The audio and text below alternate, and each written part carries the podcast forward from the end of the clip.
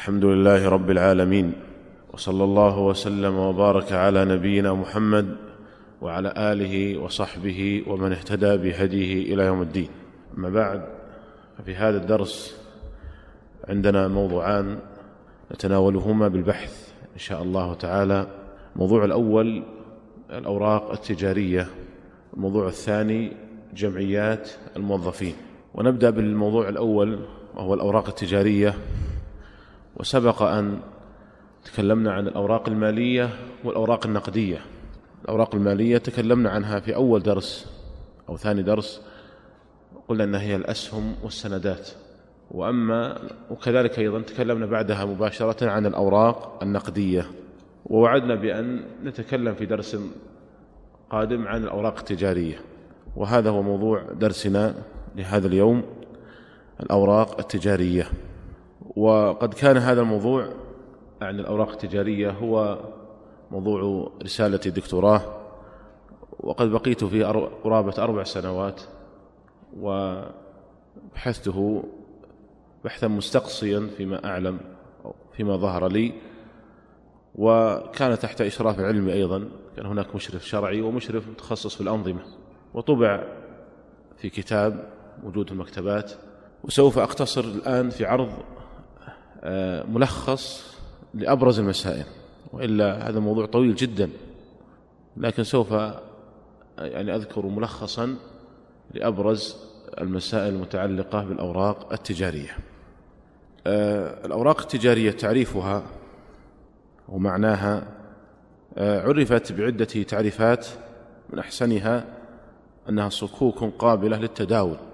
صكوك قابلة للتداول تمثل حقا نقديا وتستحق الدفع لدى الاطلاع أو بعد أجل قصير. تستحق الدفع لدى الاطلاع بعد الاطلاع أو لدى الاطلاع أو بعد أجل قصير.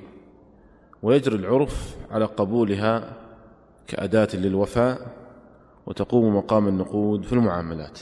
هذا هو تعريفها الإجمالي أنها صكوك قابلة للتداول. تمثل حقا نقديا تستحق الدفع لدى الاطلاع أو بعد أجل قصير. ويجري العرف على قبولها كأداة للوفاء وتقوم مقام النقود في المعاملات. وهي تنقسم إلى أو تتنوع إلى ثلاثة أنواع الكمبيالة والشيك والسند لأمر. وتختلف الأنظمة في أنواع الأوراق التجارية فبعضها لا يجعله على سبيل الحصر وإنما يجعله على سبيل التمثيل وبعضها يجعله على سبيل الحصر. ونظام الأوراق التجارية الموجود عندنا في المملكة جعلها على سبيل الحصر. وتبع في ذلك النظام العالمي الأوراق التجارية الموحد فإنه قد صدر في نظام موحد يسمى قانون جنيف الموحد الأوراق التجارية. صدر عام 1930 1931 وإنما أشرت لهذا القانون لأنه يعتمد عليه نظام الأوراق التجارية الموجود عندنا المملكة اعتمادا كبيرا يكاد يكون كليا إلا يمكن في مسألة أو مسألتين. وقد درست هذا النظام مادة مادة ولم أرى فيه أي مخالفة للشريعة الإسلامية. بل نصت إحدى المواد على أن أي شيء يخالف الشريعة الإسلامية فهو ملغي واعتباره كأن لم يكن. وهنا فائدة نسوقها وهي أن الأنظمة عندنا هنا في المملكة مصاغة صياغة جيدة. يعني لو نظرت إلى السياسة الإعلامية أنظمة مثلا الأوراق التجارية أنظمة جميع الأنظمة في الجملة لا تجد فيها مخالفة شرعية إنما تأتي المخالفات من جهة التطبيق. تأتي المخالفات من جهة التطبيق. ولا الأنظمة من حيث هي أنظمة تجد أنها تصاب بطريقة جيدة وليس فيها مخالفات شرعية.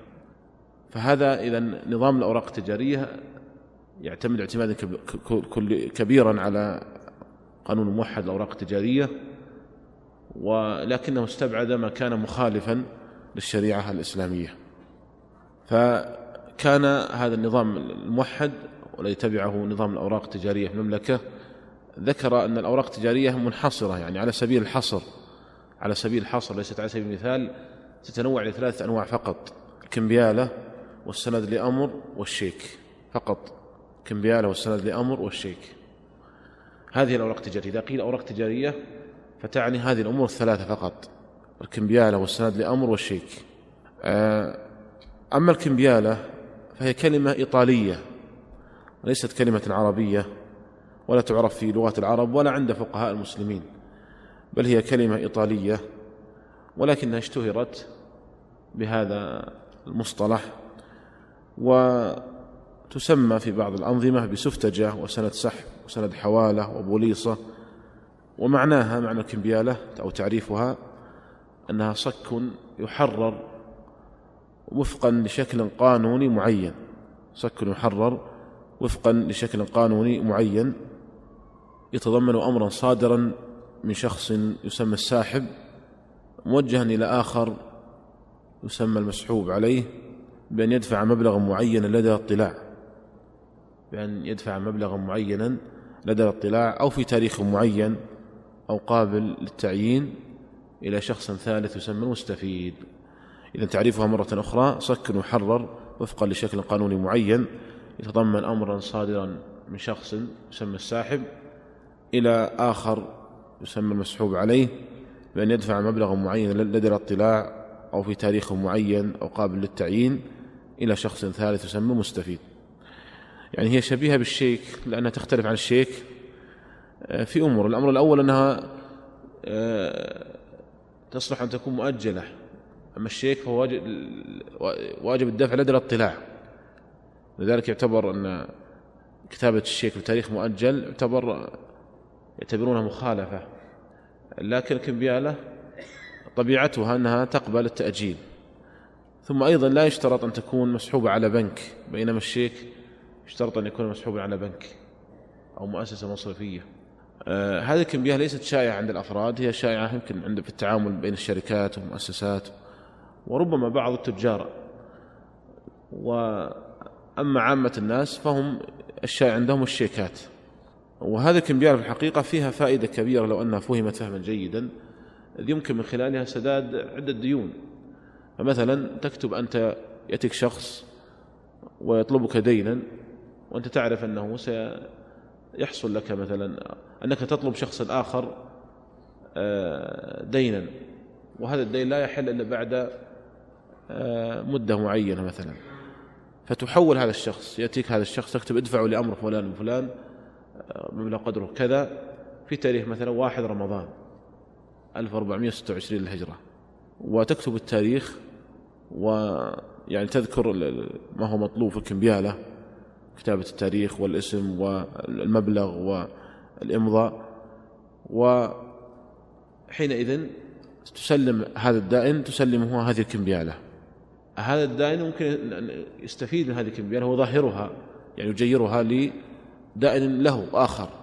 وهذا الدائن الآخر يمكن أن يظهرها دائن آخر يعني جيرها دائن آخر فربما يجتمع عليها عشرة. حتى إذا أتى الموعد المحدد مثلا وهو واحد رمضان دفعت للأخير. بهذا استطاع مجموعة من الناس أن يقضوا ديونهم وأن يسددوا ديونهم بموجب هذه الكمبيالة بموجب هذه الكمبيالة. فإن قلت يعني كيف يعتمد عليها وهي قد لا يعني قد لا يحصل الوفاء من المسحوب عليه. الجواب أن أنها توفر لها حماية كبيرة من قانون الصرف ومن آه، الجهة التي تتبعها وهي مثلا عندنا المملكة وزارة التجارة. يفترض أن توفر لها حماية كبيرة بحيث من يخل بها يتعرض لعقوبات صارمة. آه، هذه هي إذن هي الكمبيالة. كما تلاحظون هي شبيهة بالشيك لأنها تختلف عنه في عدة أمور. أنها تقبل التأجيل أنها لا يشترط أن تكون على بنك. آه، أما السند لأمر ويسمى السند الإذني فهو صك يتعهد بموجبه. صك يتعهد بموجبه محرره بأن يدفع مبلغا معينا في تاريخ معين أو قابل للتعيين أو بمجرد الاطلاع إلى شخص آخر يسمى المستفيد أو لشخص آخر يسمى المستفيد. صك يتعهد بموجبه محرره بأن يدفع مبلغا معينا في تاريخ معين أو قابل للتعيين أو بمجرد الاطلاع إلى شخص آخر يسمى المستفيد.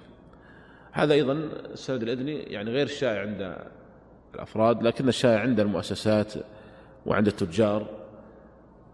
و وهو يختلف عن السندات قسيم الأسهم.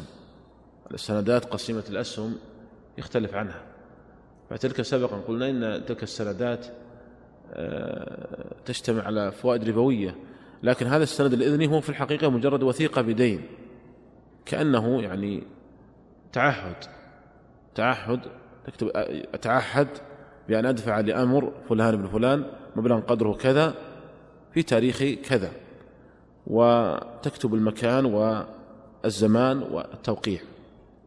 ويفترض أيضا أن توفر له حماية, حماية قانونية وكبيرة بحيث من إذا, إذا, إذا لم يفي هذا الشخص الذي هو المسحوب عليه أو محرره في الحقيقة محرره إذا لم يسدد قيمة هذا السند فإنه يتعرض لعقوبات يعني صارمة. فهذا هو السند الإذني ويسمى السند لأمر وهو كما ذكرت موجود لدى المؤسسات والشركات. لكن لاحظ هنا أنه بين الطرفين فقط بين الطرفين فقط محرر ومستفيد محرر ومستفيد ولذلك لا يقال ساحب ومسحوب عليه ومستفيد كما قلنا في الكمبيات لكنه فقط بين طرفين محرر ومستفيد. آه، أما الشيكات فهي معروفة والنوع الثالث الشيك ويسمى ويقال إن مصطلح شيك منقول من صك. منقول من صك. فيكون أصل هذه الكلمة آه، عربي. وصك أيضا يعني ليست هي كلمة عربية لكنها معربة ولا أصلها فارسي أيضا. أصلها فارسي وجمعها أصك وصكاك وصكوك. فنقلت إذا بدل آه، صك جعلت شك ثم جعلت شيك. وتعريف الشيك بأنه يعرف بأنه صك يحرر وفقا لشكل قانوني معين يتضمن أمرا صادرا من شخص يسمى الساحب إلى شخص آخر يسمى المسحوب عليه بدفع مبلغ معين من النقود لشخص ثالث يسمى المستفيد. بمجرد الاطلاع. إذا صك يحرر وفقا لشكل قانوني معين يتضمن أمرا صادرا من شخص يسمى الساحب إلى شخص آخر يسمى المسحوب عليه بدفع مبلغ معين من النقود إلى شخص ثالث يسمى المستفيد بمجرد الاطلاع. لاحظ هنا أن الشيك لا بد أن يدفع بمجرد الاطلاع ولا يصلح أن يكون قابل للتأجير ولا يصلح أن يكون قابل للتأجير بخلاف الكمبيالة والسند لأمر. آه، قبل أن نتعرض التخريج الفقهي لهذه أنواع الأوراق التجارية نشير هنا إشارة إلى أن أصول هذه الأوراق التجارية قد كانت معروفة لدى المسلمين قد كانت معروفة لدى المسلمين يعني أنها لم تقتبس بكاملها من الغرب وإن كانت بتنظيمها الموجود الآن أخذت من, من, من الغرب لكنها في أصول, أصول هذه الأوراق كانت معروفة لدى المسلمين. فإن المسلمين قد عرفوا آه، التعامل بما يشبه السفاتج. من وقت الصحابة رضي الله عنهم قد روي عن ابن عباس أنه كان يأخذ الورق من التجار بمكة على أن يكتب لهم بها إلى الكوفة على أن يكتب لهم بها إلى الكوفة. وكان ابن الزبير يأخذ من قوم بمكة دراهم ويكتب لهم بها إلى مصعب. فمثل هذه الرقاع التي يكتبون فيها يعني تشبه في أصولها هذه الأوراق التجارية. وأيضا جاء في صحيح مسلم أن صكوكا خرجت في للناس في زمن مروان بن الحكم. آه، يكتب فيها مقدار الطعام.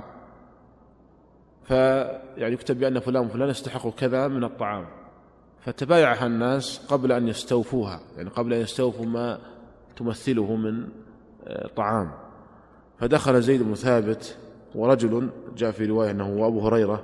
دخل زيد بن ثابت وأبو هريرة على مروان بن حكم فقال تحل الربا يا مروان؟ قال وما ذاك؟ قال هذه الصكوك. تبايعها الناس ثم باعوها قبل أن يستوفوها. فبعث مروان بن حكم الحرس يتبعونها ينزعونها من أيدي الناس ويردونها إلى أهلها.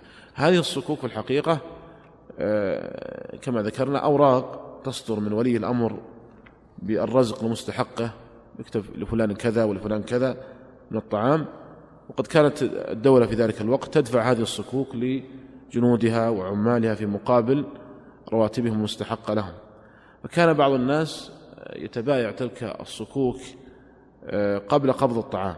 فكان إنكار زيد بن ثابت وأبي هريرة لأجل هذا لا لمؤجل لا, لا لأجل كتابة تلك الصكوك وإنما لأجل تبايعها قبل استيفاء وقبل قبض الطعام.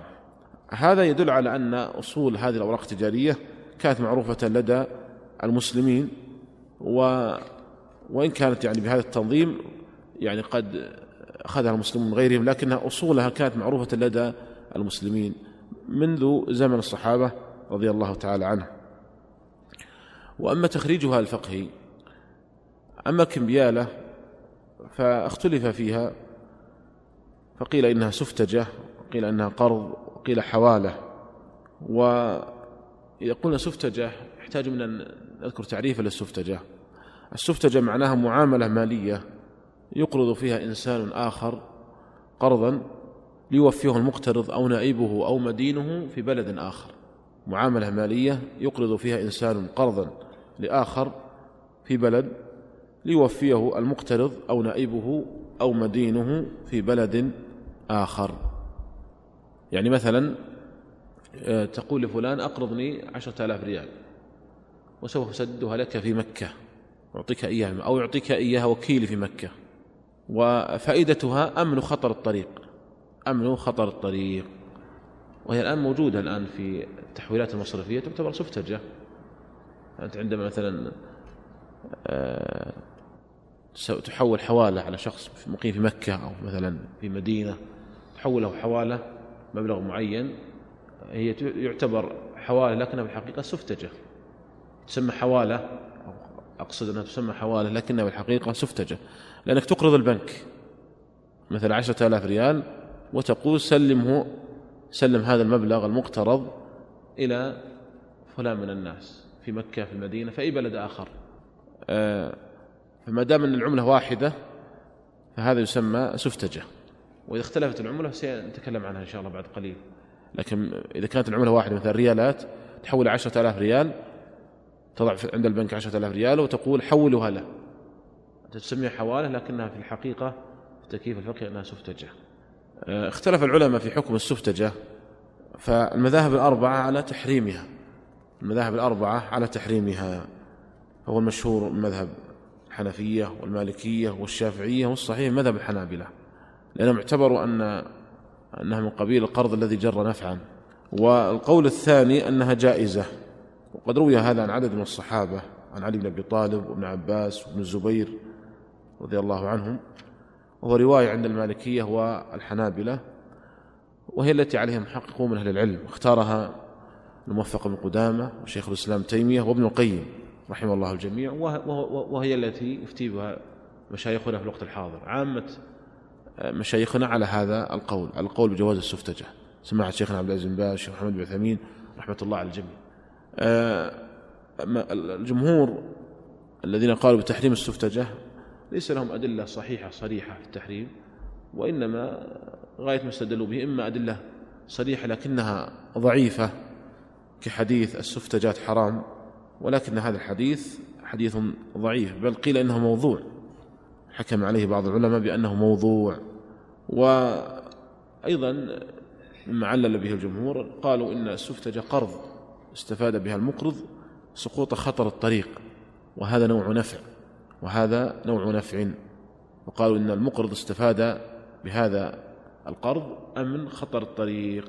وكل قرض جر نفعا فهو ربا. وأما أصحاب القول الثاني الذين قالوا بجواز السفتجة فاستدلوا أولا قالوا أن هذا القول مأثور عن عدد من الصحابة كما ذكرنا ابن عباس وابن الزبير وعلي بن أبي طالب. وقالوا أيضا أن السفتجة فيها مصلحة لكل من المقرض والمقترض من غير ضرر بواحد منهما. من غير ضرر بواحد منهما. فالمقرض ينتفع بأمن خطر الطريق في نقل دراهمه إلى ذلك البلد. والمقترض ينتفع بالقرض. المقترض ينتفع بالقرض. وما كان فيه مصلحة للجميع وليس فيه ضرر فإن الشرع لا يحرمه. ولهذا قال شيخ الإسلام ابن تيمية رحمه الله الصحيح الجواز يعني الصحيح في حكم السفتجة الجواز. لأن كل من المقرض والمقترض منتفع بهذا الاقتراض. والشارع لا ينهى عما ينفعهم ويصلحهم وإنما ينهى عما يضرهم.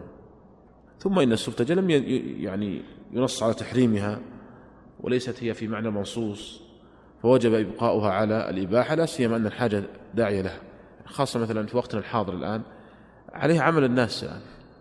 الناس الآن يعني على هذه التحويلات التي هي في الحقيقة سفتجة خاصة يعني عندما يكون التحويل مثلا خارج المملكة ربما يصعب نقل الدراهم يصعب نقلها فيحتاج يحتاج إلى تحويلها. فإذا كان تحويلها بنفس العملة فهي الحقيقة سفتجة والقول بمنعها فيه حرج كبير على الناس وليس هناك دليل ظاهر على التحريم. صحيح إنه هو قول الجمهور القول بالتحريم قول الجمهور وهو رأي المذاهب الأربعة الحنفيه والمالكية والشافعية والحنابلة لكن يعني ليس ليست المسألة محل إجماع ليست المسألة محل إجماع. ولا يلزم أن يكون رأي المذاهب الأربعة أن يكون هو الصواب. رأيت مثلا طلاق طلاق الثلاث بكلمة واحدة. المذاهب الأربعة على انه يقع ثلاثا عند القول الصحيح أنه يقع واحدة. فليست كل يعني مسألة تتفق فيها المذاهب الأربعة الحنفية والمالكية والشافعية والحنابلة يكون تكون هي الصواب. فقد يكون الحق مع الأقل. ولهذا فالمذاهب الأربعة على تحريم السفتجة ولكن القول الصحيح هو أنها جائزة وأنها جائزة وهو الذي عليه محققون من أهل العلم وهو الذي عليه العمل. واذا يكون هذا هو القول الراجح وهو جواز السفتجة. يبقى أن نجيب عن عما استدل به الجمهور. نحن ذكرنا الأحاديث التي استدلوا بها ضعيفة بل بعضها ربما حكم عليه بالوضع. كما يروى حديث أن السفتجات حرام قلنا إنه عند بعض أهل العلم موضوع. وأما قولهم إن السفتج قرض استفاد بها المقرض سقوط خطر الطريق ف وكل قرض جر نفعا فهو ربا. اولا آه هذه المقولة كل قرض جر نفعا فهو ربا لا يصح عن النبي صلى الله عليه وسلم. تجده في بعض كتب الفقه ربما ينسب للنبي صلى الله عليه وسلم والحقيقة لا يصح نسبة نسبته للنبي صلى الله عليه وسلم وإنما من كلام بعض الفقهاء من كلام بعض الفقهاء ولا ليس حديثا عن النبي صلى الله عليه وسلم. ثم أيضا لو يعني سلمنا بهذه واعتبرناها قاعدة فليست على إطلاقها إذ ما من قرض إلا ويتضمن نفعا. ولهذا قال ابن حزم يقول ليس في العالم سلف يعني قرض إلا وهو يجر منفعة. وذلك انتفاع المسلف بتضمين ماله و فيكون مضمونا تلف أو لم يتلف مع شكر المستقرض إياه وانتفاع المستقرض بمال غيره مدة. قال فعلى قولهم إن كل سلف جر منفعة وربا يكون كل سلف حراما وهذا فيما فيه. إذا ليست كل منفعة في القرض تكون حراما.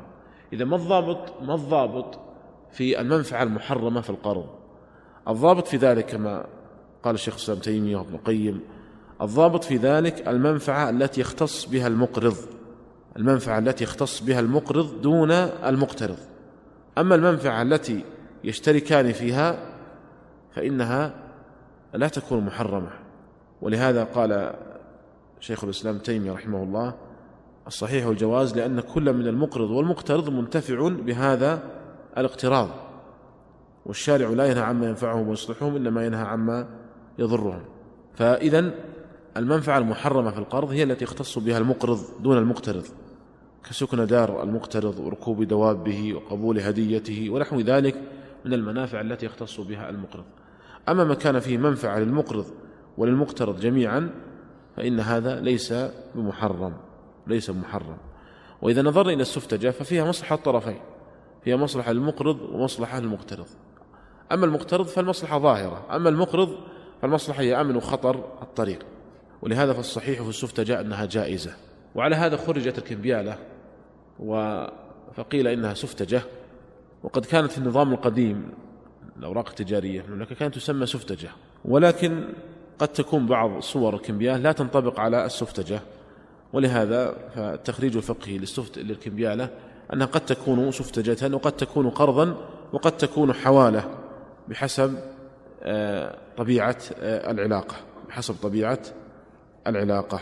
وأما حكم التعامل الكمبيالة في الشريعة الإسلامية فإنه لا بأس به لا بأس به لأن كما ذكرنا على القول الراجح وهو أن السفتجة جائزة تكون الكمبيالة جائزة ولا بأس بها. وهكذا لو قلنا أنها قرض أو حوالة فهذه عقود مجمع على جوازها. ولكن إذا إذا كانت الكمبيالة في فيما يشترط فيه التقابض من الطرفين كالصرف أو من طرف واحد كالسلم هنا لا بد من أن, من, من, من أن تحرر كمبيالة يعني يعني لا يجوز أن تكون كمبيالة بعد أجل لا يجوز أن تكون كمبيالة بعد أجل. وأما السند لأمر الذي ذكرنا صورته قبل قليل فالتخريج الفقهي له أنه وثيقة بدين. فأنت تقول أتعهد بأن أدفع لأمر فلان من فلان مبلغ قدره كذا في تاريخ كذا. هذا في الحقيقة يعتبر وثيقة بدين وهو جائز ولا بأس به. ولكن أيضا يلاحظ ما قلناه في الكمبيالة من أنه إذا كان السند لأمر فيما يشترط فيه التقابض فإنه لا يصح أن يكون مؤجلا. وأما الشيك الشيك فالتخريج الفقهي له أنه حوالة. التخريج الفقهي للشيك أنه حوالة. يكون المحيل هو الساحب. يعني محرر الشيك هو المحيل. المحال عليه هو المسحوب عليه الذي هو المصرف أو البنك. والمحال هو المستفيد والمحال هو المستفيد. فإذا التخريج الفقهي للشيك أنه حوالة المحيل هو الساحب المحال عليه هو المصرف أو البنك المحال هو المستفيد. يترتب على القول بأن الشيك حوالة أن المستفيد الذي تكتب له أنت شيكا يلزمه قبول الشيك إذا كان المحال عليه مليئا وهو في الحقيقة هنا ملي وهو البنك والمصرف. فلو بعت سيارة أو, أو لو, لو اشتريت سيارة كتب لك البائع شيكا. قلت لا لا أنا تعطيني نقد ولا ما أقبل؟ قال البيع انتهى الآن ما أعطيك إلا شيك. اختلفتما في هذه المسألة. هل للبائع أن يلزمك بالشيك؟ أو من حقك أنك تقول يعني أنا أرغب في النقد وتلزمه بهذا. نقول له الحق أن يلزمك بالشيك. لماذا؟ لأن اعتبرنا أن الشيك حوالة ويلزم قبول الحوالة إذا كانت على مليء ويلزم قبول الحوالة إذا كانت على مليء لكن لك أن تشترط تقول لا أقبل إلا إذا كان الشيك يعني مصدقا مثلا أو إذا كان فيه رصيد. لكن يلزمك قبول هذا الشيك. لأننا حقيقة قلنا أن هذا أن التخريج الفقهي لهذا الشيك أنه حوالة فيلزمك في الحقيقة قبوله. يلزمك قبوله.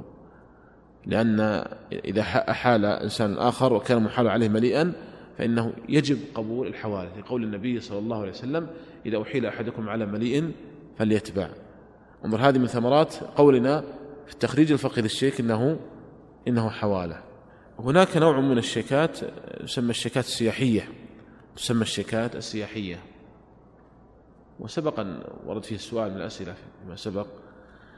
الشيكات السياحية هي شيكات تصدرها بعض المصارف أو المؤسسات بقيم متفاوتة على فروعها أو على مراسليها في الخارج لمصلحة المسافر الذي يستطيع الحصول على قيمتها بمجرد عرضها. لدى أي فرع من فروع المصرف أو لدى مراسليه. إذا مرة أخرى الشيكات السياحية هي شيكات تصدرها المصارف بقيم متفاوتة على فروعها أو على مراسليها في الخارج لمصلحة المسافر الذي يستطيع الحصول على قيمتها بمجرد عرضها للوفاء في أي فرع أو لدى أي مراسل لهذا المصرف أو لهذه المؤسسة. وهذه الشيكات السياحية لا بأس بها لا بأس بها لكن ترد يعني عليها إشكالية وهي أن المصدر لهذه الشيكات الجهة المصدر لهذه الشيكات تأخذ عمولة. والذي يظهر الله أعلم أن هذه العمولة لا بأس بأخذها لأنها مقابل خدمات ولأن أيضا المنفعة لا تختص بالمقرض هنا وإنما تشمل المقرض والمقترض فهي شبيهة بالسفتجة. ونحن قلنا في ضابط النفع المحرم في القرض هو النفع الذي يختص بالمقرض. وأما ما يشمل المقرض والمقترض فإنه لا يكون نفعا محرما. وبناء على ذلك تكون الشيكات السياحية جائزة ولا بأس بها. آه، من أهم مسائل الأوراق التجارية مسألة خصم الأوراق التجارية. خصم الأوراق التجارية. أذكر تعريف وأوضحه بالمثال. تعريف خصم الأوراق التجارية. الخصم معناها القطع. آه، تعريف الخصم هو اتفاق يعجل به البنك الخاصم لطالب الخصم قيمة ورقة تجارية. مخصوما منه مبلغ يتناسب مع المدة الباقية. آه، وذلك في مقابل أن ينقل طالب الخصم إلى البنك هذا الحق على سبيل التملك وأن يضمن له وفاء عند حلول أجله. فهي إذن عملية مصرفية يقوم بموجبها حامل الورقة بنقل ملكيتها إلى المصرف عن طريق التظهير قبل موعد الاستحقاق مقابل تعجيل المصرف قيمتها مخصومة منه مبلغ معين. نوضحها بمثال قد يكون هذا الكلام غير واضح لكن نوضحه بمثال. آه نحن قلنا في الأوراق التجارية هي الكمبيالة والسند لأمر والشيك. الشيك واجب الدفع لدى الاطلاع لا يرد عليه الخصم. الخصم إنما يرد إما على كمبيالة أو السند لأمر إذا كان مؤجلة. يعني مثلا صوامع الغلال آه تعطي بعض المزارعين كمبيالات عندما يضعون القمح فيها ما يعطونهم نقد ولا يعطونهم شيكات يعطونهم كمبيالات. ادفعوا لأمر المزارع فلان وفلان مبلغ قدره مثلا مئة ألف ريال في واحد محرم 1427 هجرية. هذه كمبيالة وتمنح للمزارعين. آه، بعض المزارعين يقول أنا لن أنتظر إلى هذا الموعد. يذهب البنك يقول هذه كمبيالة صرفت لي. أصرف لي هذه الكمبيالة الآن هي مئة ألف أعطني الآن خمسة وتسعين ألف. وخمسة ألاف ريال تكون عمولة لك أنت أيها البنك. تكون خمسة ألاف ريال عمولة للبنك مقابل تعجيل قيمة هذه الكمبيالة. يقول لن أنتظر إلى هذا الموعد أنا هذه الكمبيالة أعطيها للبنك والبنك يعطيني آه، قيمتها معجلة مخصوما منها عمولة يتفقان عليها. في مثالنا هذا خمسة ألاف ريال عمولة يأخذ البنك لقاء تعجيله لقيمة هذه الكمبيالة. وهذا التعامل يا أخوان يعني شائع ومنتشر خاصة كما ذكرت آه، لدى المزارعين وغيرهم ممن يصرف لهم كمبيالات. فما حكم هذا الخصم؟ اختلف فيه اختلافا كثيرا وذكرته في الكتاب الذي أشرت إليه أكثر من سبعة تخريجات.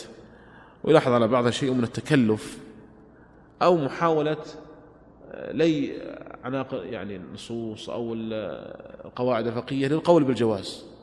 لأن بعض الناس عندما يريد تخريج مسألة معاصرة يتأثر بضغط الواقع ويبرر بحاجة الناس ويبرر والذي ينبغي هو التجرد عند بحث المسألة وعدم يعني التأثر بالواقع وإنما ينظر لها على أنها مسألة آه، ينظر لها على حسب ما تقتضيه الأدلة والقواعد الشرعية.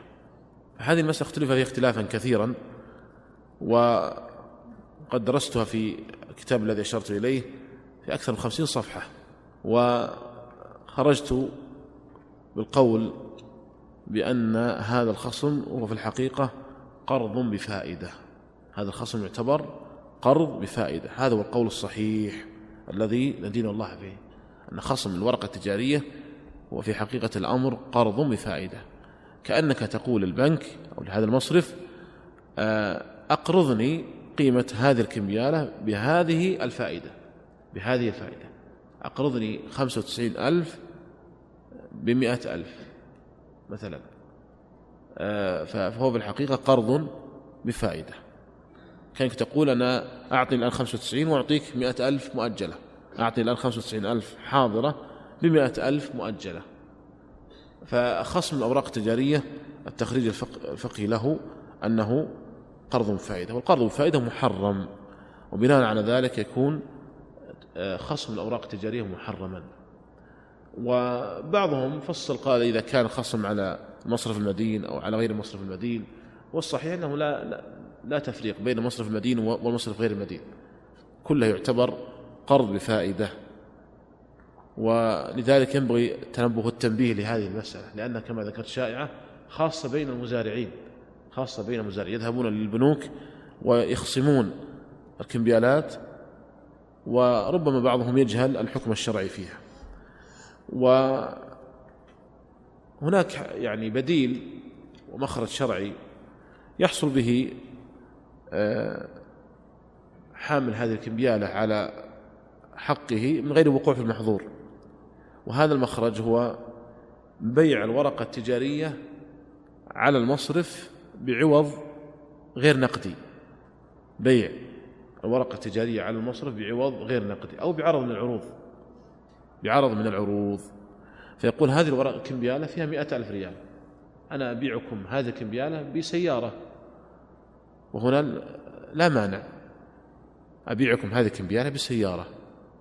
فهنا يكون تكون المسألة من قبيل بيع الدين لغير من هو عليه بالعين.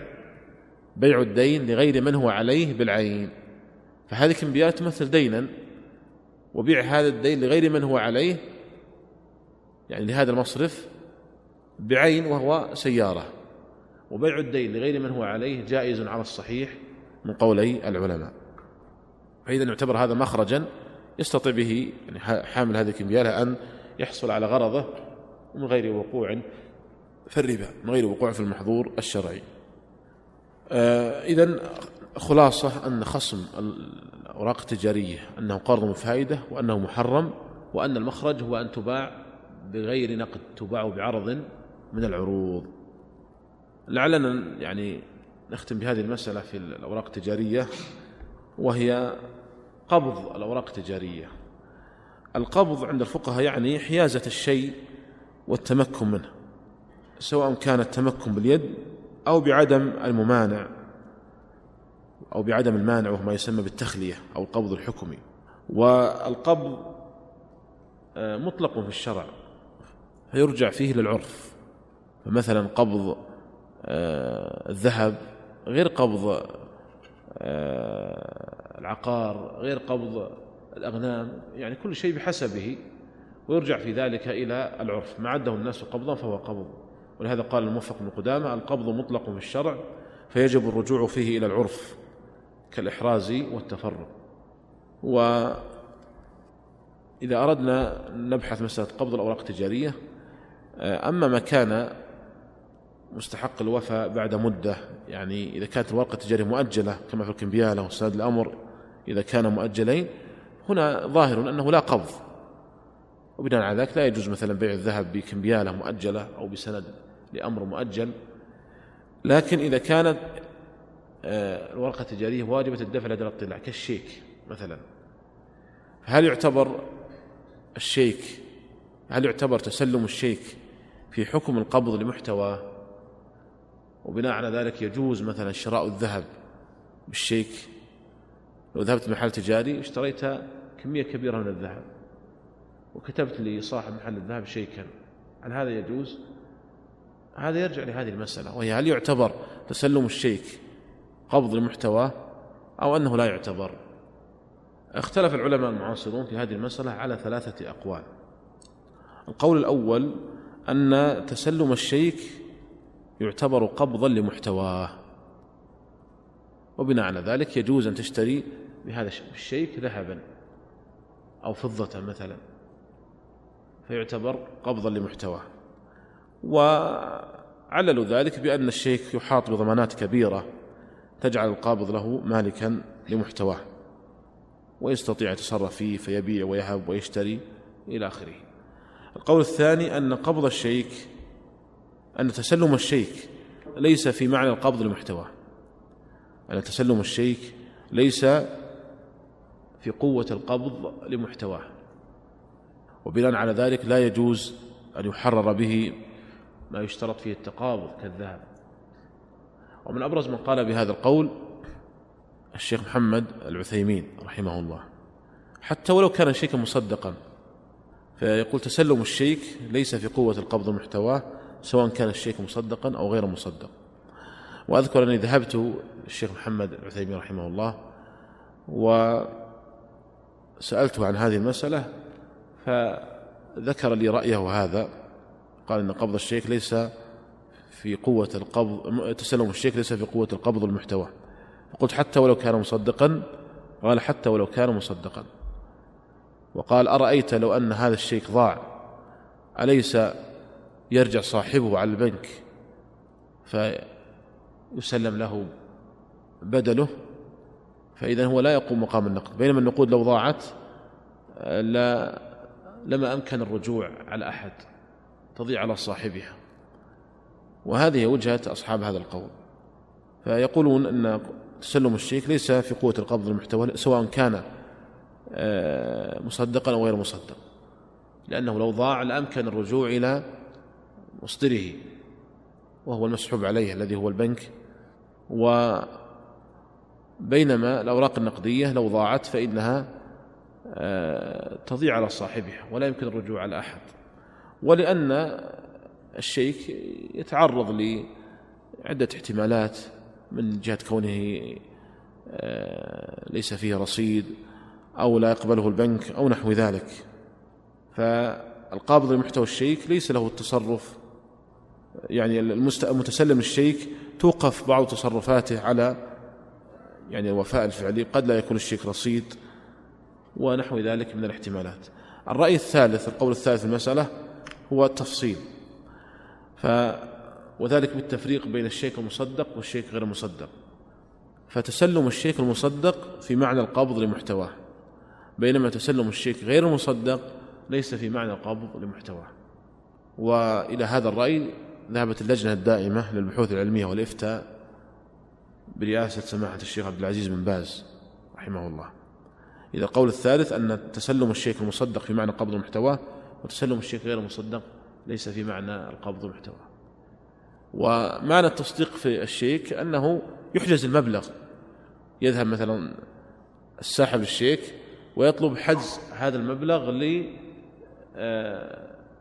للمستفيد بالتالي لا يستطيع أن يتصرف فيه. يحجز للمستفيد لمن حرر له هذا الشيك و وجمع أصحاب هذا الرأي بين وجهة القول الأول ووجهة القول الثاني. فقالوا إن الشيك إذا كان غير مصدق فهو يرد عليه عدة احتمالات. يرد عليه ما ذكر ما ذكره أصحاب القول الثاني. وأما إذا كان مصدقا فإنه لا يرد عليه أي احتمال ويكون فيه قوة القبض لمحتواه قالوا ولهذا نجد أن آه، الناس في الصفقات الكبيرة إنما يتعاملون بالشيكات. فلو اشتريت بيتا بمليون ريال وأردت أن تدفع نقدا فإن البائع لا يقبل. يقول أعطني الشيك ما أريد تعطيني نقد. فإذا كان الناس يفضلون الشيك على النقد في الصفقات الكبيرة طبعا هو يريد يقول أعطني شيكا مصدقا وليس وليس نقدا. إذا كان الناس يفضلون الشيك على النقد في الصفقات الكبيرة بالملايين فلا شك أنه في قوة القبض والمحتوى. ولذلك هذا هو القول الصحيح في المسألة. القول الصحيح أن الشيك إذا كان مصدقا فهو في قوة القبض والمحتواه وإلا فلا. وإذا كان الشيك مصدقا فهو قد أحيط بضمانات كبيرة.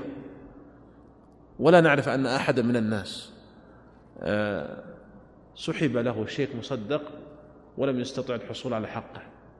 اللهم إلا إذا كان لها يعني إشكالات خارجة عن آه، الطبيعة القانونية للشيك يعني من مثلا آه، تزوير أو سرقة أو نحو ذلك. أما أنه يحرر الشيك مصدق ثم لا يحصل على قيمة هذا الشيك فهذا بعيد جدا. ولهذا فإن آه، الشيك المصدق في قوة القبض ومحتواه بل إن الناس يفضلون على النقد في الصفقات الكبيرة. وهذا دليل كاف على أن الشيك المصدق في قوة القبض ومحتواه وأما قولهم قول أصحاب القول الثاني أنه لو ضاع لما أمكن لا, لا أمكن لصاحبه أن يرجع على البنك. فنقول لأن طبيعة الشيك هكذا. لأن طبيعة الشيك آه، هي أنه أن اسم المستفيد يحرر فيه وبالتالي لا يستطيع أن يصرفه إلا صاحبه وإذا ضاع فيمكن الرجوع إلى البنك ل آه، أولا إيقافه وصرف بدله يعني فيمكن للمستفيد من هذا الشيك أن يذهب للبنك ولا يضيع حقه بهذا لا يضيع حقه. فنقول طبيعة الشيك تقتضي هذا بينما الأوراق النقدية هي لحاملها. ولهذا لو أن الشيك كتب لحامله فإذا ضاع فإنه يضيع على صاحبه يضيع على المستفيد على حامله. وهذا يعني لا منع منه نظاما لكن الناس لا يستعملونه. لو كتب اصرفوا ادفعوا لأمر حامل هذا الشيك. هذا نظاما لا مانع منه وإن كان غير شائع فهو في الحقيقة يضيع على حامله. فنقول طبيعة الأوراق النقدية أنها لحاملها وطبيعة الشيك أنه يكتب فيه اسم المستفيد وهذا غير مؤثر في الحكم. هذا غير مؤثر في الحكم. ولهذا نقول يعني بناء على هذا أن أنه يجوز أن يشترى الذهب والفضة وبالشيك إذا كان مصدقا ولا يجوز إذا كان الشيك غير مصدق. ولكن هنا أنبه إلى مسألة وهي أنه في بعض الدول تحاط الشيكات غير المصدقة بحماية كبيرة جدا بحيث تكون في قوة الشيكات المصدقة. وهنا ربما يقال أنه في تلك الدول تكون الشيكات كلها سواء كانت مصدقة أو غير مصدقة في قوة القبض لمحتواها. وأما عندنا هنا في المملكة فلا زال الشيك غير مصدق. آه، وإن كان قد أحيط بحماية صارمة من الناحية النظرية ولكن الإشكالية في الناحية التطبيقية والتنفيذية. ولهذا مثلا يعني آه، في عام في في سنة من السنوات بلغت قيمة الشكاوى المقدمة للغرفة التجارية بالرياض الشيكات بدون رصيد أكثر من مليار ومئتي مليون. فكيف نقول الشيك غير مصدق في قوة قبض المحتوى إذا كانت الشيكات غير مصدقة غير مصدقة بدون رصيد في سنة واحدة فقط بلغت أكثر من مليار ومئتي مليون فهذا الحقيقة يزعزع الثقة في الشيك غير مصدق. والإشكال عندنا هنا كما ذكرت في الناحية التنفيذية. فمع كثرة آه، الشيكات غير مصدقة لا نسمع بأن أحدا قد طبقت عليه العقوبة. لكن في بعض الدول هناك حماية صارمة للشيكات. فربما في تلك الدول يقال بأن الشيك سواء كان مصدقا أو غير مصدق في قوة القبض المحتوى بل ربما عندنا في المملكة ربما يتحسن الوضع وتوفر الحماية الكبيرة للشيكات فتصبح الشيكات مصدقة وغير مصدقة في قوة القبض المحتوى لكن نتكلم عن وضع الشيكات الآن هنا في, في الوقت الحاضر. بقي أن نشير إلى مسألة الشيكات التحويلات المصرفية وهي حقيقة مهمة ولعلي أيضا أختم بها هذا البحث. شيكات التحويلات المصرفية إذا كانت من جنس النقد المدفوع فهي في الحقيقة سفتجة.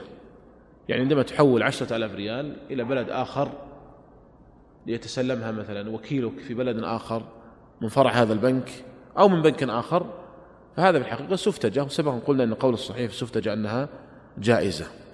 الإشكال إذا كان إذا كان التحويل بعملة أخرى إذا كان التحويل بعملة أخرى.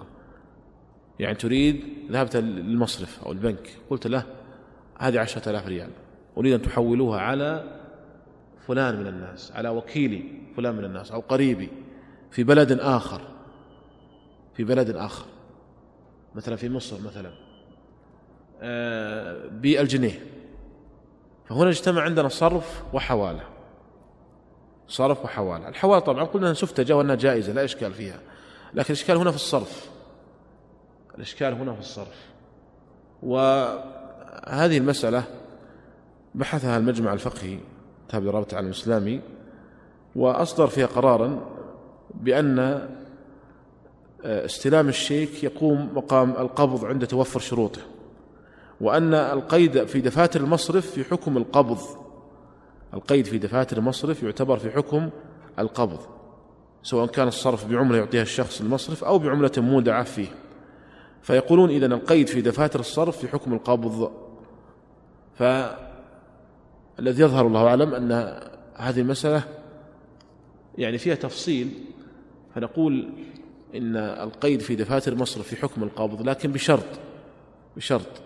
أن يكون المصرف يملك العملة المحول لها لاحظ هنا. أن يملك العملة المراد التحويل إليها. فلا بد أن يكون المصرف يملك المبلغ المراد تحويله سواء في صندوق المحلي أو في صندوق المركزي آه، أما إذا كان المصرف لا يملك المبلغ المراد تحويله بالعملة المراد التحويل إليها فإن حينئذ لا يجوز مثل هذا. لا يجوز. وذلك لأنه يكون قد صارف بما لا يملكه. إذا كان المبلغ المراد تحويله ليس موجودا في صندوق المصرف المحلي ولا في آه، قيوده أيضا لدى المصارف الأخرى. وإنما سيقوم المصرف على تأمين النقد المحول له مستقبلا. فالذي يظهر الله أعلم أن تسلم الشيك أو السند ليس في معنى القبض ومحتواه وحينئذ يكون المصرف قد صارف بما لا يملكه وقت المصارفة. أرأيت لو صرفت صاحب محل ذهب؟ ذهبا؟ قال بذهب سوف أوفره فيما بعد. ولو بعد ساعة. فإن هذا لا يجوز. هكذا أيضا هنا. هكذا أيضا هنا. ولذلك نحن ننصح من أراد التحويل بعملة أخرى أن يحول بعملة شائعة موجودة لدى البنك. بأن تكون من العملات الشائعة. مثل مثلا اليورو الدولار يعني هذه تكون موجودة عند جميع البنوك. لكن ربما يأتي بعملة نادرة قد لا تكون موجودة عند البنك. لا في الصندوق المحلي ولا حتى في المركزي. عمل بعض الدول قد لا تكون موجودة عند البنك كله. فإذا صارف البنك بهذه العملة يكون قد صرف بما لا يملك. وهنا يقع في الإشكال. فمجمع الفقه الحقيقة أطلق العبارة ولكن لا بد من هذا التقييد. لا بد من هذا التقييد وهو أن تكون المصارفة بما يملكه البنك.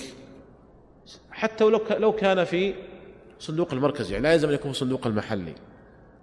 ولذلك ينبغي لمن أراد أن يصارف مع اختلاف العملة من أراد أن يحول مبلغ مع اختلاف العملة أن يختار عملة شائعة بحيث يغلب على الظن وجودها في صندوق البنك. فانتبهوا لهذه القضية يا إخوان. وإذا يعني صارف بهذه العملة فإنه يتسلم إما شيكا أو مثلا سندا رسميا من البنك ويقيد فيه سعر العملة المحول لها أيضا.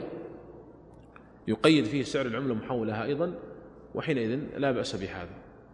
هذا هو الذي يظهر الله أعلم.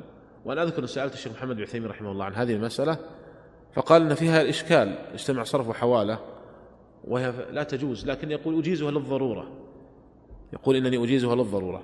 والواقع حقيقة يعني أنها أنها تعتبر في معنى القبض ولا نقول نجيزها للضرورة هي في معنى القبض المحتوى لكن بشرط أن يكون المصرف يملك المبلغ المحول له. هذه يا اخواني خلاصة لهذا الموضوع والموضوع أطول من هذا بكثير لكن هذه يعني نبذة مختصرة. ومن أراد التفصيل فليرجع الكتاب الذي أشرت إليه هو موجود في المكتبات. بعد ذلك ننتقل لموضوع آخر ولعل الكلام لعل الكلام فيه لا يطول. وهو جمعيات الموظفين. حكم جمعيات الموظفين. صورة المسألة أن يتفق عدد من الموظفين يعملون في الغالب في جهة واحدة مدرسة أو دائرة أو غيرها أو غيرهما على أن يدفع كل واحد منهم مبلغا من المال. على أن يدفع كل واحد منهم مبلغا من المال. مساويا في العدد لما يدفعه الآخرون. ثم عند عند موعد محدد كنهاية الشهر مثلا. عند موعد محدد كنهاية الشهر مثلا. ثم يدفع المبلغ كله لواحد منهم. وفي الشهر الثاني يدفع لآخر وهكذا حتى يتسلم كل واحد منهم مثل ما تسلمه من قبله سواء بسواء دون زيادة أو نقص. إذا هذه صورة المسألة. يتفق عدد الموظفين يعملون في الغالب في جهة واحدة على أن يدفع كل واحد منهم مبلغا من المال مساويا في العدد لما يدفعه الآخرون عند موعد معين كنهاية الشهر مثلا ويدفع المبلغ كله جميعه لواحد منهم وفي الشهر الثاني يدفع لآخر حتى يتسلم كل واحد منهم مثل ما تسلمه من قبله سواء بسواء بدون زيادة ولا نقص. يعني مثلا آه، هؤلاء مدرسون في مدرسة. قال نتفق على جمعية. كل نتفق جميعا على أن كل واحد يدفع خمسة آلاف ريال. نجمع الخمسة آلاف ريال مثلا تكون مئة ألف. مئة ألف ريال. يعني لو قلنا أن عدد هؤلاء المدرسين عشرون وكل واحد دفع خمسة آلاف ريال مجموعها يكون مئة ألف ريال. مئة ألف ريال تدفع في الشهر الأول لأحدهم وفي الشهر الثاني للآخر وفي الشهر الثالث للثالث وهكذا. هذه صورة جمعية الموظفين. وقد اختلف العلماء المعاصرون في حكمها على قولين. القول الأول أنها جائزة وهذا الذي هو الذي عليه أكثر العلماء. قد صدر به قرار من هيئة كبار العلماء بالمملكة. ومن أبرز من قال بهذا القول الشيخ عبد العزيز بن باز والشيخ محمد بن عثيمين رحمهم الله تعالى. القول الثاني أنها محرمة. أنها محرمة قال به بعض أهل العلم ومن أبرزهم الشيخ صالح الفوزان حفظه الله. سبب الخلاف في هذه المسألة هو آه، الخلاف في اعتبار هذه الجمعية من قبيل القرض الذي جر نفعا أو لا. فمن قال إنها من قبيل القرض الذي جر نفعا حرمها ومن قال إنها ليست من قبيل الذي جر نفعا قال إنها جائزة. نأتي الأدلة. أدلة من قال بالتحريم وهم أصحاب القول الثاني. آه حاصل أدلتهم ترجع إلى ما ذكرت قبل قليل. ترجع إلى أن هذه المسألة من قبيل القرض الذي جرى نفعا. فكل واحد من المشتركين في هذه الجمعية إنما يدفع ما يدفع بصفة قرض مشروط فيه قرض من الطرف الآخر. وهذه منفعة. فيكون ذلك من قبيل القرض الذي جر نفعا وكل قرض جر نفعا فهو ربا. كل قرض جر نفعا فهو ربا. إذن هذه وجهة من قال بالمنع. قال إنه من قبيل القرض المحرم. آه وأما أصحاب القول الأول الذين قالوا بالجواز فقالوا إن المنفعة التي تحصل للمقرض في هذه الجمعية آه لا تنقص المقترض شيئا من ماله. بل قد حصل المقترض على منفعة مساوية أو مقاربة لها ففيها مصلحة للطرفين ففيها مصلحة للطرف للمقرض وللمقترض وليس فيه ضرر على واحد منهم وليس فيها زيادة نفع المقرض على حساب المقترض. والنفع المحرم في القرض هو النفع الذي يختص به آه، المقرض دون المقترض. أما إذا كان النفع للطرفين للمقرض وللمقترض فإن هذا لا بأس به ولا مانع منه كما قلنا في السفتجة كما قلنا في السفتجة. فإذا قالوا إن المنفعة هنا لا يختص بها المقرض وإنما آه، هي للمقرض وللمقترض جميعا. وجاء في قرار هيئة كبار العلماء في التعليل لهذا القول قالوا لأن المنفعة التي تحصل للمقرض لا تنقص المقترض شيئا من ماله وإنما يحصل المقترض على منفعة مساوية لها ولأن فيها مصلحة لهم جميعا من غير ضرر على واحد منهم أو زيادة زيادة نفع لآخر والشرع لا يرد بتحريم المصالح التي لا مضرة فيها على أحد بل ورد بمشروعيتها. فإذا هذه ليس فيها زيادة وليس فيها اختصاص المنفعة للمقرض دون المقترض فتكون شبيهة بالسفتجة. السفتجة فيها مصلحة للطرفين المقرض والمقترض ولذلك قلنا أنها جائزة. هذه أيضا فيها مصلحة الطرفين للمقرض وللمقترض والقول الصحيح في هذه المسألة هو القول الأول هو أن جمعية الموظفين جائزة ولا بأس بها. ولا تعتبر من قبيل القرض الذي جر نفعا. وهي في الحقيقة قرض معتاد ليست قرضا جر نفعا ليست من قبيل القرض الذي جر نفعا بل هي قرض معتاد. إلا أنه يشارك في الإقراض أكثر من شخص. حقيقة هذه الجمعية أنها قرض لكن يشارك في هذا القرض أكثر من شخص.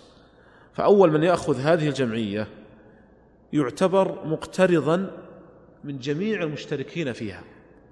أول من يأخذ هذه الجمعية يعتبر مقترضا من جميع المشتركين فيها. وكذلك من يأخذها في المرة الثانية يعتبر مقترضا ممن يأخذها بعده ومستوفيا لقرضه من الشخص الذي قبله. يعني يعتبر مقترضا ممن بعده ومستوفيا للقرض ممن قبله. وهكذا في الثالث والرابع. كل واحد يعتبر آه، مقترضا ممن بعده مستوفيا ممن قبله. كل واحد من هؤلاء يعتبر مقترضا ممن بعده مستوفيا ممن قبله. إلا الأول يعتبر مقترض من الجميع. إلا وإلا الأخير فيعتبر مستوفيا من الجميع. هذه هذا هذه حقيقة الجمعية. إذا مرة أخرى نقول كل واحد من هؤلاء الذين في الجمعية يعتبر مقترضا ممن بعده مستوفيا لقرضه ممن قبله. إلا الأول فيعتبر مقترضا من الجميع. وإلا الأخير فيعتبر مستوفيا من الجميع. وهذا بهذا التكييف لا بأس بها. ولا ولا تعتبر من قبيل القرض الذي جر نفعا. لا تعتبر من قبيل القرض الذي جر نفعا. بعض طلاب العلم كتب بحثا في هذا ونشر في في مجلة البحوث ذكر أن يعني تقييدا للقول بالجواز وهو أنه أن لا يشترط الاستمرار في هذه الجمعية أكثر من دورة. يعني يقول أنه لا يشترط هذا الشرط. لو قال نريد أن ندخل في الجمعية لكن بشرط أن تستمر هذه الجمعية دورتين أو ثلاث أو أكثر فيعتبر هذا محرما. قال لأن حقيقة هذه الصورة أن المقرض يشترط على من سيقرضهم أن يقرضوه في دورة أخرى. أن المقرض يشترط على من سيقرضهم أن يقرضوه في دورة أخرى. فتشبه هذه المسألة مسألة آه، إذا شرط المقرض أن يقرضه المستقرض مستقبلا. يعني يقول لا أقرضك إلا بشرط أن تقرضني. لا أقرضك إلا بشرط أن تقرضني مستقبلا. فما حكم هذه الصورة؟ هذه في الحقيقة تنطبق عليها. فلو قال نحن نريد أن ندخل في جمعية الموظفين لكن بشرط أن نستمر دورتين أو ثلاثا. فأقول بعض الإخوة منع هذه المسألة وخرجها على مسألة ما إذا قال لا أقرضك إلا بشرط أن تقرضني مستقبلا. ونقول وهذه المسألة المخرج عليها محل خلاف بين العلماء. فمنهم من منعها وقال إن هذا من قبيل القرض الذي جرى نفعا والصحيح فيها الجواز. والصحيح فيها الجواز ومن اختار القول بالجواز الشيخ محمد العثيمين رحمه الله. وذلك لأنه ليس فيها زيادة والشرط المحرم في القرض هو ما كان فيه زيادة. إنما هذه اشتراط منفعة في القرض مساوية للمنفعة التي حصل عليها المستقرض. ونحن قلنا ليست كل منفعة في القرض تكون محرمة بل المنفعة المحرمة هي التي يختص بها المقرض وأيضا التي يكون فيها وكذلك أيضا إذا كان فيها زيادة. أما يعني مثل هذه الصورة فإنها لا تعتبر من قبيل النفع المحرم. وبناء على ذلك فالذي يظهر هو عدم التقييد. الذي يظهر في هذه المسألة والله أعلم هو عدم التقييد ولهذا جاء قرار هيئة كبار العلماء بعدم التقييد. فنقول جمعيات الموظفين جائزة مطلقا حتى ولو شرط الاشتراك فيها في أكثر من دورة ولو في دورتين أو ثلاث. هذا هو القول الصحيح في المسألة وكما ذكرت هي صدر فيها قرار رقم 164 وتاريخ 26 2 1410 من هيئة كبار العلماء في الدورة الرابعة والثلاثين برئاسة سماحة الشيخ عبد العزيز بن باز رحمه الله وصدر قرار بأنها جائزة لم يظهر للمجلس بالأكثرية ما يمنع من هذا النوع من التعامل. وبذلك نقول الخلاصة في هذه المسألة أن جمعية الموظفين أنها جائزة ولا بأس بها مطلقا. مطلقا يعني من غير تقييد بما ذكره بعض الإخوة في ذلك بألا آه، يشترط فيها آه، أن تكون دورة أكثر من دورة. بل نقول أنها جائزة مطلقا ولا تعتبر من قبيل القرض الذي الذي جر نفعا ونكتفي بهذا القدر. والله تعالى أعلم. غدا إن شاء الله لعلنا نتعرض للتأمين وخطاب الضمان ونجيب أيضا عن بعض الأسئلة المتراكمة عندنا نجيب عنها إن شاء الله تعالى سؤال يقول يا شيخ سعد توفر لي عمل في بنك ربوي خلال فترة الإجازة علما بأن عملي ليس له علاقة بالمعاملات الربوية فهل يجوز لي العمل في هذا البنك؟ العمل في البنك الربوي لا يجوز وذلك لأنه لأن الذي يعمل قد يشهد أو يكتب الربا. والنبي صلى الله عليه وسلم لعن آكل الربا وموكله وكاتبه وشاهده. يعني حتى وإن لم يكتب الربا كما ذكر السائل قد يشهد. قد يرى من يعني يتعامل بالربا ويشهد. ثم أيضا قد ينتقل العمل في دائرة وتمر عليه مثل هذه المعاملات ويستمرئ مثل هذا العمل. ولهذا نرى أن يبتعد عنه. ومن ترك لله شيئا عوضه الله خيرا منه. لأنه أيضا إذا دخل فيه فإنه يصعب عليه الخروج منه. وكون لا يدخل من البداية يكون هذا يعني هو الأولى. حتى ولو لم ولو كان في دائرة أخرى. ولو كان في دائرة أخرى لا تتعامل بالربا. اللهم إلا إذا كان في نافذة شرعية مثلا أو في فرع إسلامي فهذا لا بأس به. أحسن الله إليكم. ما حكم بيع الشقق السكنية قبل بناؤها كما يقولون على الخريطة وقد عمت البلوى بها عندنا؟ بيع الشقق السكنية قبل البناء مواصفات معينة. مر معنا أنه يمكن أن يعني أن هناك عقد من العقود يمكن أن تخرج عليه. يمكن أن تخرج عليه. أنا أسألكم الآن سؤالا. ما هو العقد الذي يمكن أن تخرج عليه هذه المسألة؟ استصناع أحسنت. لا ما شاء الله ضابطين. استصناع.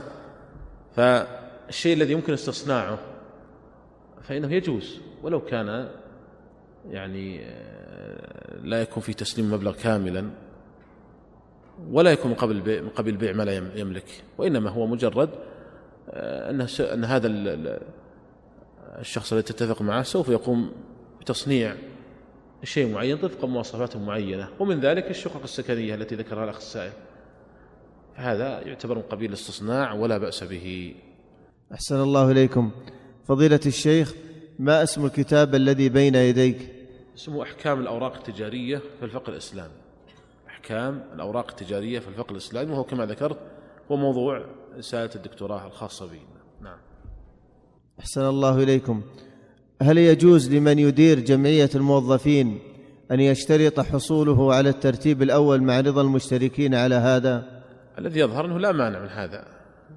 لأن نحن أجزنا هذه الجمعية فكون أحدهم يشترط أن يكون الأول أو متقدما فلا لا حرج في هذا. لأنه كما ذكرنا الضابط في المنفعة المحرمة المنفعة التي يختص بها المقرض دون غيره. أما مثل هذه فإنها لا تضر. نعم.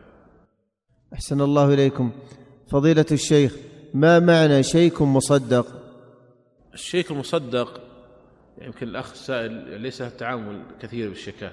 الشيك المصدق معروف وشائع عند خاصة عند التجار ويتعاملون بالبيع والشراء. معنى ذلك أن البنك يحجز قيمة هذا الشيك للمستفيد. فعندما تحرر شيكا لفلان من الناس مثلا. ثمن مبيع أو غير ذلك. فنفترض مثلا عشرة آلاف ريال وتقول للبنك أريد تصديق هذا الشيك.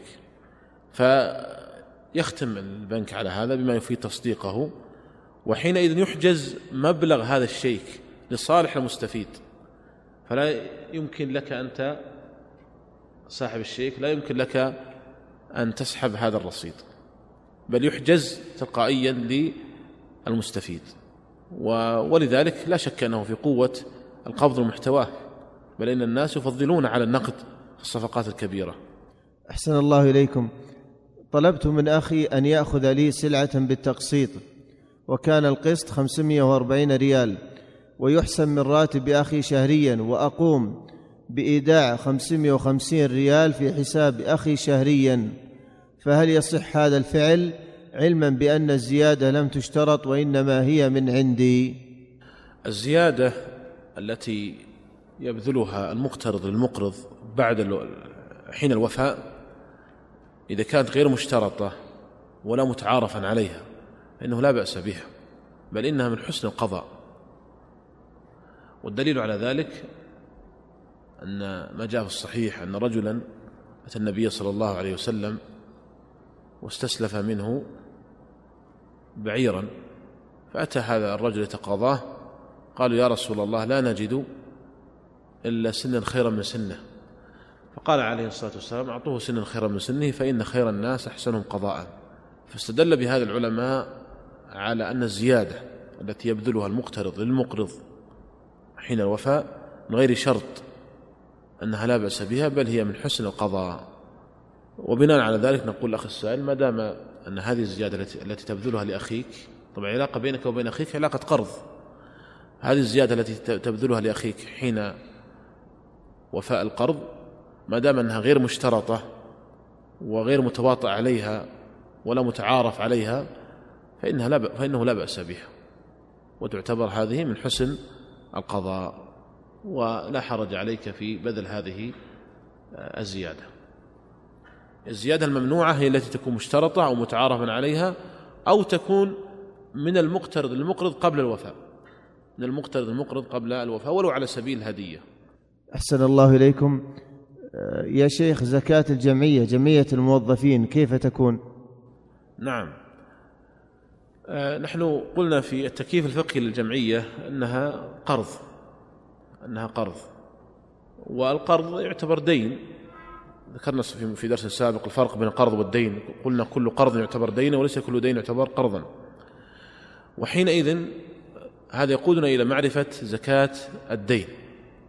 هل تجب الزكاة في الدين أو لا تجب؟ وهذه المسألة بحثها المجمع الفقهي الدولي التابع لمنظمة المؤتمر الإسلامي وذكروا في القرار أنه لا يوجد دليل يدل على يعني هذه المسألة وإنما هي مبناها على التعليل والنظر. مبناها يعني لا يوجد نص في هذه المسألة وإنما مبناها على التعليل والنظر. قرر المجمع في ذلك أن الدين إذا كان على ملئ فيجب زكاته كل سنة عند تمام الحول. وإذا كان على معسر أو مماطل فإنه لا تجب زكاته. لا تجب زكاته. وعلى ذلك أيضا وعلى هذا نقول في مثل هذه الجمعيات نقول أما بالنسبة للأول الذي يستوفي آه، حقه. فهنا لا, لا تجب عليه الزكاة لأنه لم يحل الحول. وهكذا بالنسبة للثاني إلى الحادي عشر هؤلاء ليس عليهم زكاة لأنه لم يحل الحول. لكن الأخير الأخير هنا آه هذا الدين الذي له في ذمم أصحابه في الجمعية. حال عليه الحول وهو دين على ملئ فهنا تجب الزكاة. إذا تجب الزكاة على الثاني عشر أو من بعده أو الثالث عشر إذا كانوا أكثر من اثني عشر. تجب على الثاني عشر أو الثالث عشر أو من بعده. باعتبار أن هؤلاء آه، لهم ديون في ذمم آخرين وهي ديون على يعني هذا الدين على ملئ هذا الدين على ملئ والدين إذا كان على ملئ باذل تجب فيه الزكاة عند تمام الحول عن كل سنة. نعم. أحسن الله إليكم يا شيخ سعد. بعض الأسئلة تدور حول رأيك في المساهمة في شركة المراعي. نعم شركة المراعي كما ذكروا في نشرة الإصدار التي نشرت في الصحف أن عندهم قروض ربوية مقداره 535 مليون ريال. 535 مليون ريال. ونسبتها قرابة 22% وبناء على ذلك لا تجوز المساهمة فيها.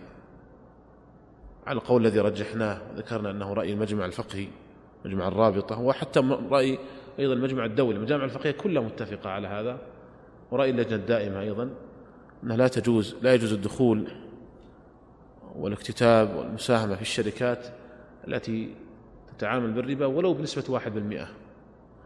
لأن المساهم في الحقيقة في الحقيقة تنسب له جميع أعمال الشركة ومنها التعاملات الربوية ومن التعاملات الربوية. فهو في الحقيقة المساهم شريك في المال وفي العمل أيضا شريك في المال وفي العمل. والربا قد شددت الشريعة فيه. لعن النبي صلى الله عليه وسلم آكل الربا وموكله وكاتبه وشاهديه. فأيهما أشد؟ كاتب الربا وشاهد الربا أو الذي يتعامل بالربا بالوكالة؟ لا شك أن الذي يتعامل بالربا بالوكالة أشد. وهذه حقيقة الأمر في الشركات التي تتعامل بالربا. لأن هذه الشركات هي تمثل مجموع المساهمين. يعني من يملك هذه الشركة؟ المساهمون. فأنتم ملاك الشركة تنسب لكم أعمال الشركة ومنها التعامل بالربا. فإذا المساهم الذي ساهم في هذه الشركة لا يخلو من يكون راضيا بهذه القروض الربوية أو غير راضي. فإن كان راضيا فهو متعرض للوعيد الشديد. إن كان غير راضي فيجب عليه التغيير. إن كان لا يستطيع وهو الغالب فيجب عليه الخروج وعدم الدخول أصلا في مثل هذه الشركات التي لا يستطيع تغيير هذا المنكر فيها. فنحن نقول أن هذه الشركة يعني كما ذكرت أعلنت هذا في الصحف في نشرة الإصدار أن عندها قروض بهذه النسبة الكبيرة و ولهذا نرى أنه لا تجوز المساهمة فيها. وأما قولهم في أنها تحولت إلى قروض إسلامية لا أدري كيف تحولت. القرض الربوي لا يتحول إلا إذا وضعت الفوائد. وإن تبتم فلكم رؤوس أموالكم توضع يوضع الربا. لا يمكن تحويله إلا إذا وضع الربا. فلكم رؤوس أموالكم لا تظلمون ولا تظلمون. ف ولو أن يعني الشركة أعلنت توبتها من الربا وكونت هيئة شرعية لرسم سياسة مستقبلية لوضع الشركة المالي ربما نقول أن الوضع يعني يختلف. لكن أن تعلن صراحة هذه القروض الربوية بهذا المبلغ الكبير فنرى عدم جواز المساهمة فيها. أحسن الله إليكم وجزاكم الله خيرا وصلى الله وسلم على نبينا محمد.